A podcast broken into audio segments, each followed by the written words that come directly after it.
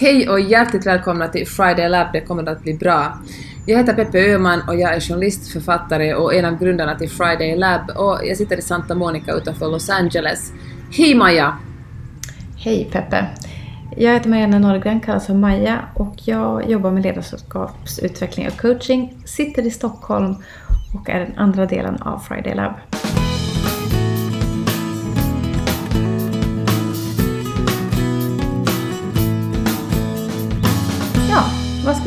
Idag Peppe? Idag ska vi prata om osäkerhet. Jag vill ju först påpeka förresten att vi är ju inte utbildade terapeuter eller psykologer, så det här blir bara en diskussion mellan en coach och en journalist slash författare om osäkerhet. Så ta inga medicinska råd från oss, utan häng med på den här diskussionen istället. Ja, men det finns ingen människa på jorden som aldrig har känt sig osäker, både i större och mindre grad.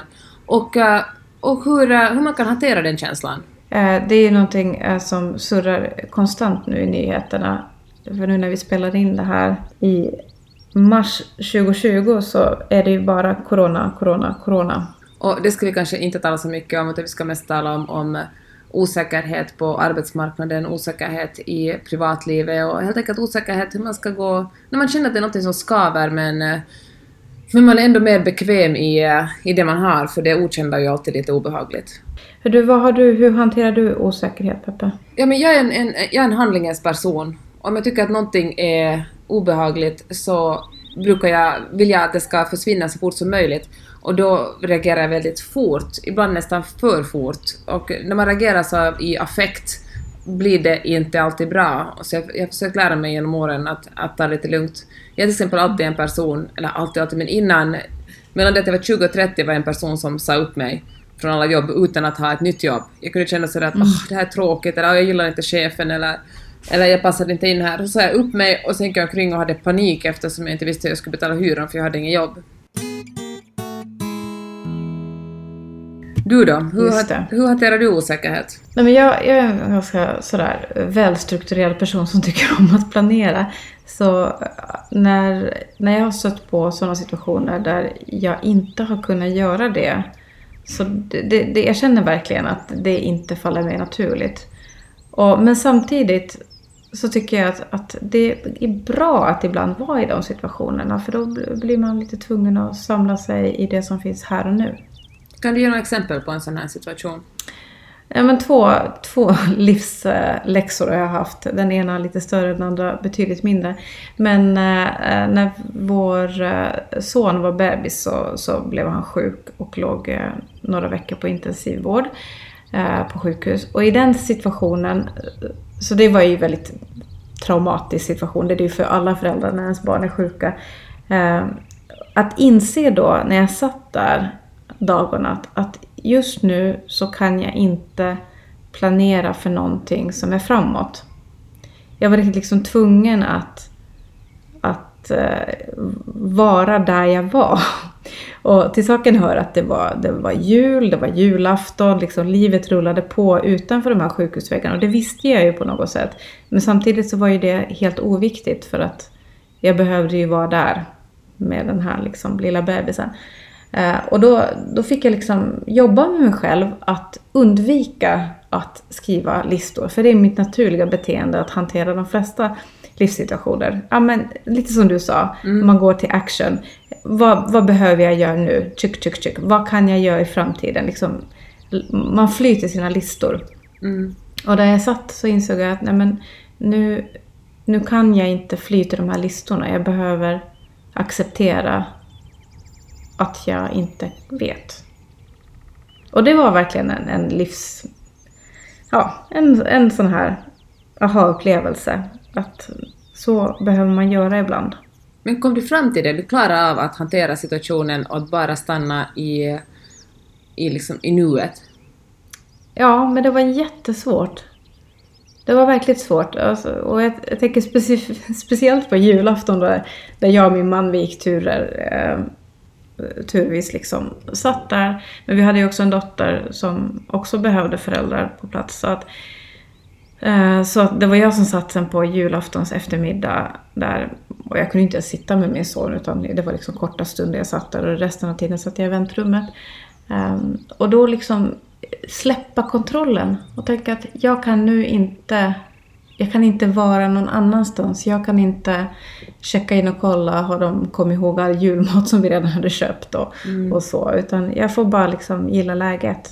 Jag vet inte om jag lärde mig så mycket annat än att, att, att liksom, det finns sådana situationer i livet där man behöver man behöver bara acceptera där man är. Det har ju en väldigt dramatisk situation när ens eget barn är, Eh, mår då, liksom ligger på sjukhus. Har du några exempel på några andra situationer du kunde, även som var mindre livsförändrande? Ja, usch, det, ska vi inte tänka på mer nu. Nej men eh, vi hade samma sak med mycket lättare variant förra året. Vi, vi har bott länge utomlands och vi bodde i Belgien och vi väntade på ett besked från min mans företag om vart vi skulle flyttas till näst. Och det beskedet drog ut på tiden, både gällande plats, där vi förstås har varit med och påverkade, men ändå inte 100% kunde bestämma själv. Mm. Eh, men också tajmingen, så vi visste liksom inte att är det om en månad, eller tre månader eller ett halvår. Och när tiden bara går och man, man skjuter upp en massa saker, man skjuter upp beslut om vad man ska göra på semestern, man eh, skjuter upp beslut om var barnen ska börja skolan och så. Eh, så det var också en bra övning i, i att eh, liksom, ta vara på det man visste, det vill säga den här korttidshorisonten. Eh, så det var första gången vi hade en sån semester förra året, att vi faktiskt inte hade planerat så mycket. Utan vi, vi tog lite dagen som den kom och flyttade en vecka framåt åt gången. Så att, eh, och det var, då kändes det bra. Då kändes det att, att nu, eftersom det inte är naturligt för mig, jag vet ofta vad jag ska göra vet, nästa sommar och vad är det för planer för hösten och sådär. Eh, så det var jättebra att öva på att inte göra det. Och jag kände att det här kommer jag nog göra igen. Hörru, jag tänker när det är mindre dramatiska händelser som det här, det är ju såklart en stor livsförändring att flytta. Men eh, då mm. kanske man kan tänka, eller vet du, det som du faktiskt alltid brukar säga till mig Maja, eh, vad är det värsta som kan hända?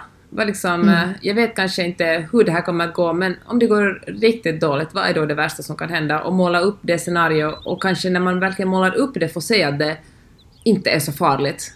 Mm. Vad är det värsta som kan hända? Ni måste flytta till Tyskland liksom. Mm. Okej, okay, det var lite, okej. Okay. Det var kanske inget behagligt scenario. Nej, jag skojar. Nej. Min pappa har bott 15 år i Tyskland, jag har varit där mycket. Det, det är ett fint Det land. går att bo där. Men, äh, nej, men jag, jag, tänker så här att, att ofta när man, när man det är någonting okänt framför en så då är det lätt att man bara målar upp det som någonting skrämmande. Att någonting som, mm. just för att man inte vet vad det är så blir det något skrämmande och det skrämmande är ofta något som är som är oformligt, som är liksom okonkret. Och det, det, är liksom, det är abstrakt, men så fort man sätter ramar kring det, och när man konfronterar liksom det, som är, det som skrämmer en, då blir det ju mycket mindre då, då, märker man att det faktiskt inte är så farligt. Och så tänker jag också att, att, att försöka hålla koll på, sortera tankar. Vad är det jag faktiskt vet och vad är det jag tror mig veta? Så att man inte börjar liksom agera på scenarier som man inte har en aning om. Mm. Särskilt om man börjar agera på worst case scenarios. Liksom. Eh, att man går lite in i panikmode. Särskilt mm. om man är lagd sådär som du och jag, att man gärna vill göra saker. Då kanske ja. man börjar göra fel saker. Ja. Känner du igen det? Ja, men jag känner verkligen igen det, att man verkligen man bara agerar genom att någonting måste hända, vad som helst, men någonting måste hända och då hinner man liksom inte tänka igenom vad det här någonting är, utan man börjar röra sig framåt. Sen tycker jag i och för sig att det inte alltid måste vara en dålig sak, jag menar, för det är ganska få beslut som man fattar som är oåterkalleliga. Jag menar, mm. om man mår dåligt i en situation så är det ju, i vissa stunder kanske det är bra att bara ta sig ur den. För ibland kan bara själva den där rörelsen vara det svåraste, eller det beslutet, att fatta ett beslut. Det kan vara att man befinner sig på en arbetsplats som man verkligen inte trivs på, eller, eller en relation som man känner att den här den här relationen är inte bra. Alltså jag känner att mm. den är inte bra, men det finns liksom ingenting eh, det finns ingen liksom specifik händelse som man kan ta sats av och tänka nu den här, min man då till exempel är våldsam eller har varit otrogen eller liksom någonting väldigt dramatiskt. För en sån sak kanske kan ge en studs bort i alla fall för då kan man ta fasta på den och gå vidare. Men om man bara, eller samma sak på arbetsplatsen, det finns ingenting specifikt som man kan säga att det här, det här kan jag inte använda som ett tydligt argument för mig själv att jag måste dra, det är bara en känsla man har. Men då, då liksom kan det vara svårt att fatta det beslutet. Men men när man väl har befattat det så går allt, när man kommer vidare liksom, kommer över den kullen, då blir allting plötsligt mycket lättare. Förstår du vad jag menar? Menar du delvis då att man kan kanske liksom sätta någon gräns någonstans, antingen i tid eller... Ja, men man kan sätta en deadline. Nu måste någonting hända. Nu har jag, mått, nu har jag liksom vantrivts i den här situationen så länge. Nu måste någonting hända. Så, så kan man säga, det behöver inte vara liksom nästa måndag ska jag ha sagt upp mig eller skilt mig, utan det kan vara liksom om ingenting har hänt, om ingen förändring har skett om tre månader, då kommer jag att gå. Och då kanske, vissa människor behöver kanske längre tid att förbereda sig. Men det jag tror, jag tror att det, är som att, att det finns två sätt att reagera på osäkerhet när man känner att någonting måste hända. Antingen att man blir paralyserad, för man känner att hur jag än har det så känner jag omkring, åtminstone till det här. Mm. Men jag vet inte, jag är osäker på vad som, vad som, kommer, vad som finns framför mig. Det är kanske är bättre, men det vet jag inte för det är det osäkra. Men att, eh, och då, och då liksom händer ingenting. Medan, men det finns ju egentligen ingenting som att, eh, som, alltså det går inte att stanna livet. Om man inte själv förändrar sig så förändras allt omkring en. För att, eh, ja men världen förändras alltid omkring en, så det finns inget, det finns faktiskt, status quo är aldrig ett alternativ om man lever som människa. Nej men så är det ju verkligen. Och så tänker jag att ibland lurar vi oss själva också att allting måste ske på en gång. Att, att göra en förändring, att det kräver att man hoppar. Att man liksom... Mm. Nej men att man tar i för mycket och därmed blir det lättare att stanna i det man är. Medan om man jobbar Ah, med en coach det. till exempel, så det man ofta kommer fram till är ju att, att det går ju faktiskt att ta små steg som inte innebär att man att man går all in utan det kan vara istället för att byta jobb så kanske det är att man börjar eh, jobba på någon del som man känner att man skulle vilja komplettera. Det kan innebära att man istället för att bara byta jobb så kanske man börjar titta, men hur ser det ut på mitt företag? Är det något jobb här som jag skulle hellre vilja göra? Eller skulle jag kunna be att om det är någon del av jobbet som känns mindre inspirerande, kanske man kan få det utbytt till och med. Att man tittar lite vad man är istället för att bara kasta sig iväg. Och samma sak med andra livsförändringar. Där med förhållande, är man ett dåligt förhållande då ska man ju oftast bara dra. Men kanske ett, om man inte trivs hemma, man känner att det här är inte, den här platsen jag bor på, det är inte min plats.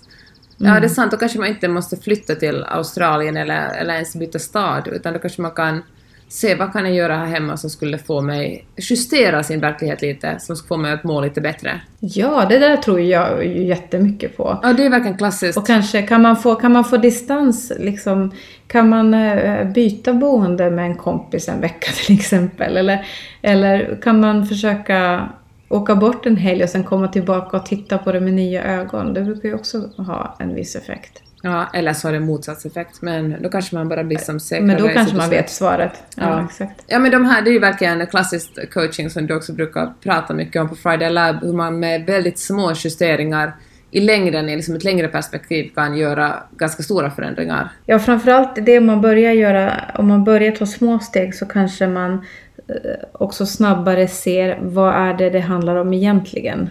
Så att man inte eh, tar sikte på fel, fel problem. Ah, du menar, man trivs inte på jobbet och sen tror man att det handlar om själva arbetsuppgifterna, men när det egentligen handlar om, eh, jag menar, kanske en kollega eller en dålig chef eller en... eh, Precis. ja, men- Eller ja. man tror att det handlar om att jag har en dålig chef, jag måste byta jobb. Så kan det de facto handla om eh, ens egen gränsdragning till exempel. Eller att man helt enkelt har suttit att man inte är motiverad. Och då känns det att det är chefen som är liksom problemet. Men själva verket kanske det är att man behöver byta, ja, men byta uppgifter eller kanske ja, se på sitt jobb på ett annat sätt. Åh, vad jobbigt, man måste också jobba med sig själv. Mm. Det är ju så roligt. Men så här, i vardagen, hur ofta känner du, känner du osäkerhet? Ja, men inte jätteofta. Jag tror att eh, de här exemplen jag, jag eh, berättade om här redan så har gjort att, att jag har någon sorts grundkänsla av att jag hanterar osäkerhet ganska bra nu jämfört med vad jag gjorde tidigare. Mm. Eh, Men samtidigt kan jag märka nu när, när vi just nu är i en sån fas där det händer väldigt mycket omkring en. Eh, Just med viruset och ska skolorna stänga och hur är det med arbetsplatser och hur är det med event och såna grejer. eh, Resande. Så då märker jag att, att jag i, i mig själv är ganska lugn. Men när jag tillåter allt för mycket mediekonsumtion då märker jag att jag speedar. Jag liksom går upp i samma, samma tempo som nyhetsrapportering. Eh, Det är liksom breaking news eh, varje kvart. Alltså, du hanterar det genom att helt enkelt eh, välja att inte lyssna så mycket eller, eller titta så mycket på nyheterna för att kunna Mm. vara lugn. Ja, eller i alla fall Ja. jag måste välja när jag gör det. Att ska jag Ja. verkligen göra det innan jag går och lägger mig? Nej, det gör jag Ah. inte längre. Ah, smart. Jag, eh, alltså det här låter otroligt egoistiskt, men jag har inte varit inne på min Avanza-app en enda gång sen, sen, liksom på, sen börsen, börsen liksom mer eller mindre kraschade. För jag vet att det kommer... Ja, men det är liksom en, en, strategi från mitt håll för att eh, inte gå omkring och ha ekonomisk ångest över osäkerheten just nu. Ja, det är ju smart. Eller? Ja, jag tror, för jag, kan, men det, jag tror att också osäkerhet handlar om att veta vad man kan påverka och vad man inte kan påverka. Den- Jag kan inte påverka den globala ekonomin, men däremot kommer, kan den påverka mig otroligt mycket. Och det är liksom, du vet det som man är blir alkoholist och går med i AA, att veta skillnaden på de saker som man kan påverka och påverka dem, och de som man inte kan påverka och bara acceptera dem. Jag Eh, tänker på ett annat exempel. När jag bodde i Bryssel så var det under den här terrordåden, uh, vilket år det nu var. Eh, men eh, då var det lite samma sak, att precis då det hände så man hade ju liksom nyhetsrapportering på hela tiden, folk hörde av sig, man var ju helt speedad i några dygn, en vecka. Och det, tills man liksom, man inser att okej, det här mår jag inte bra av nu. Mm. Eh, jag är här, men det, det, att jag ser en nyhetssändning till påverkar ingenting i, i, i mitt liv. Liksom annat än att det lägger till den här stressen. Eh, och det var, då var det jättebra att fatta ett beslut att okej, nu stänger jag ner det här. Och finns det något annat jag kan göra som hjälper? Ja, men då var det ju till exempel Svenska kyrkan i Bryssel som blev en sån här uppsamlingsplats för, för folk som inte kom vidare och vet du, folk som letar efter anhöriga och så. Nej men åka dit och ställa sig och diska eftersom personalen där hade så himla mycket att göra. Då kan man göra något konkret. Eller så kan man sätta sin energi på att, att vara närvarande med sina barn eller tala med sina vänner eller göra någonting som, som gör situationen till lite bättre istället för att bara stanna i det här repeat mode, att man bara Ja. upprepar vad som händer. Som journalist vill jag inflika att jag tycker det är viktigt att man följer med nyheterna, men man behöver ju inte Förstås. liksom Mm. ha pushnotiser på alla grejer, liksom bara uppdatera sig själv en gång i kvarten, utan det räcker ju kanske med att kolla nyheterna en gång på morgonen, en gång på kvällen, och speciellt under sådana här speciellt under krissituationer, det händer mycket. Sen eh, tycker jag det där som du sa om att eh, också träffa sina vänner och prata, finnas bland människor för att vare sig det liksom mer, också, mer eller mindre dramatiska situationer så avdramatiseras ens egna tankar ofta genom att man formulerar dem. Att man är tvungen att säga det högt eftersom när man hör det kanske man också kan höra hur... eh, Jag menar, det, kanske, det känns farligt inne i ens huvud men så fort man, man säger det högt så känns det mindre dramatiskt. Det blir liksom, det blir en vanlig mening. Då kanske också man ska välja vilka vänner man umgås med. Det finns ju, det finns ju såklart också sådana som, som tvärtom kan späda på ens egen oro. Och då Ja, jag kanske man tänker där man kan trigga varandra Ja. också. Ja, men hur ska man hålla koll på sig själv då? Jag menar, du, du har ju bättre erfarenhet än jag av det här. Att hålla koll på sig själv. ja, exakt. Nej, utan jag menar nog det också. Men jag tänker att, att du följer ju konstant med eh, nyhetsrapportering. Kan du ha en, är det, tar du en yrkesroll i det? Att Ja. du får lite distans till det? Det gör jag verkligen. Och jag, jag är ju liksom... Jag vet inte om jag kan säga... Du vet folk talar att de är sådär nyhetsknarkare nästan. Men jag... Och jag vet inte om jag använder mitt jobb som journalist som en, en, som en ursäkt för det. Men, eh, men jag tycker verkligen det är otroligt intressant och jag tycker faktiskt inte... Jag mår, ja, jag mår inte dåligt av det. Och, och det, är väl en, det är väl en tillräckligt bra förklaring till att jag ska få fortsätta. Jag tror, att, och jag tror att jag inte mår så dåligt av det just för att jag tar ett liksom, jag går in i min yrkesroll och jag tänker på hur ska jag kunna prata på det här, om det här formulerar vettigt i en podd eller i, ett, i, en, i en text. Och eh, så själva, ja det, det, så- sånt mår jag inte riktigt illa av. Så bra. Nej men vad bra. Ja, men det kan, kan det vara en, en, slags, äh, en, en slags strategi också, att när man känner att nu oroar jag mig, nu känner jag för mycket osäkerhet, nu oroar jag mig för mycket, att man helt enkelt försöker ta ett, ett steg tillbaka och se det ur ett, liksom ett, ett, ett utom, utomstående perspektiv. Antingen en, en yrkesroll eller som en vän, hur skulle jag, om jag är min egen bästa vän, hur skulle jag lugna ner mig nu, vad skulle jag använda för Mm, argument? precis. Och, äh, och på så sätt lugna ner sig själv. Borde vi göra en, en, en lista som Ja. man kan använda i tider av osäkerhet? Jag, jag, jag skulle börja med att, att liksom checka vad är det som är fakta och vad är det som är känslor av osäkerhet. Vad är det du faktiskt vet och vad är det du tror att du kanske vet? Att man gör en skillnad på dem. Det där var så bra. Alltså en kompis till mig skrev så här på Twitter att eh, känslor är bara hjärnan som gissar. Alltså, jag, och det har jag verkligen tänkt mycket på, att man är inte ens känslor har man rätt till, men det betyder absolut inte att ens känslor är sanningen. Och så har jag tänkt mycket, vi, vi i Friday Lab så vi delar ju artiklar och TED-talks och poddar till våra medlemmar varje vecka. Och jag minns särskilt ett avsnitt av Hidden Brain som talade om det här med tunnelseende. Mm. Att eh, men, när man, en människa hamnar i, i en pressad situation så får vi tunnelseende. Och hur farligt det är i vissa lägen. Och särskilt om man arbetar med sådana utsatta eh, yrken som till exempel, eh, om man säger en läkare, en kirurg på en, en, eh, en akutmottagning som kan få in patienter och du får inte, du har liksom inte all information för det är så hastigt. Och hur viktigt det är att vi bryter tunnelseendet. Och då, då finns det ju protokoll för det. Vet du, att man har många människor i rummet, de här olika människorna, alla s- säger högt vad de ser och vad, hur de tolkar situationen för att man ska kunna korrigera varandra. Så att inte alla går in i samma tunnel. Eh, och då tänker jag kanske man kan ta det också med sig till sitt eget liv. jättebra. Att vad finns det för protokoll jag kan kolla? Jag menar, händer det någonting, någon krissituation, någon blir allvarligt sjuk eller ja, någonting. Så eh, vad är mitt protokoll? Vad, vad är det jag ska checka av? Vad är prioriteten? Eh, stämmer den här känslan jag har nu? Behöver jag kolla av det mot någon annan? Behöver jag lyssna in med min partner eller någon kompis? Att, hur ser de den här situationen som vi är i nu? Mm, jättebra. Jag tänker också att, att om man kan övertyga sig själv om att förändring inte är farligt, det är tvärtom någonting helt naturligt. Det är så livet fungerar, vi förändras hela tiden och, eh, och det går nästan alltid bra. Trots att vi inte exakt ser vad som eh, kommer att hända, så kommer det att gå bra. Man kan ju se tillbaka på sitt liv hittills och se alla förändringar man har gått igenom och hur, eh, men hur läskiga de har kanske tett sig, men hur det sen har slutat bra, eller liksom mycket bättre än man förväntar sig. Och också de som har kanske varit besvikelser har man också tagit sig igenom. Vet du vad den enda bilden jag får i huvudet nu Ja. är eh, ett besök på Disneyland där vi i misstag gick in i ett åk som definitivt inte var lämpat för, för våra barn eller för mig för jag är mycket, mycket räddare än vad de är. Och när man inser det när- innan den har startat, okej, att jag är på så fel plats. Att det här kommer bli fruktansvärt. Och, och man inser att okej, men jag kommer inte att dö för det här är Disneyland. De designar inte attraktioner till att vet du, Nej. ha ihjäl folk.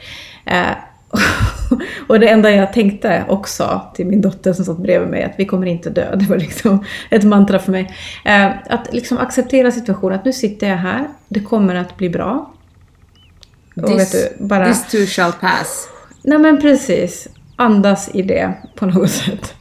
Men om man är en person som är väldigt benägen att uh, bara, bara man, man får känna ett sånt obehag situationen av osäkerhet, så man vill bara kasta sig in och, och lösa den på något sätt. Hur ska man, eh, vad ska man, hur ska man hindra sig från att göra det och, och liksom, så att man i effekt sen fattar fel beslut? Jag tänker att det kan vara bra att, att om man inte riktigt litar på sin eget eh, sinne just nu, kanske det är att man är inne i en tunnel eller någonting. Att om man inte då har en person man kan bolla med, för det tror jag är det absolut bästa. Så papper och penna, också superbra. Mm. Och tänk, skriva ner, vad är det som händer nu? Mm. Att liksom skriva ner svaret på det. Och sen fundera på, men vad är det jag behöver agera på nu? Mm. Och sen kanske ännu i slutet på listan, det du sa att komma ihåg att små förändringar är också förändringar. Att det där när man står inför en, en osäkerhet, hur ska det gå med framtid? Ja, någonting borde hända, jag, ordet borde dyker upp jätteofta. Gör en liten förändring, en liten, en liten, liten justering och se, och vänta lite och se på vilket sätt det påverkar livet. Och sen kolla av, är jag hungrig, är jag trött eller är det något annat som liksom också spelar in på hur jag känner i en viss situation? Alltså helt kortsiktigt.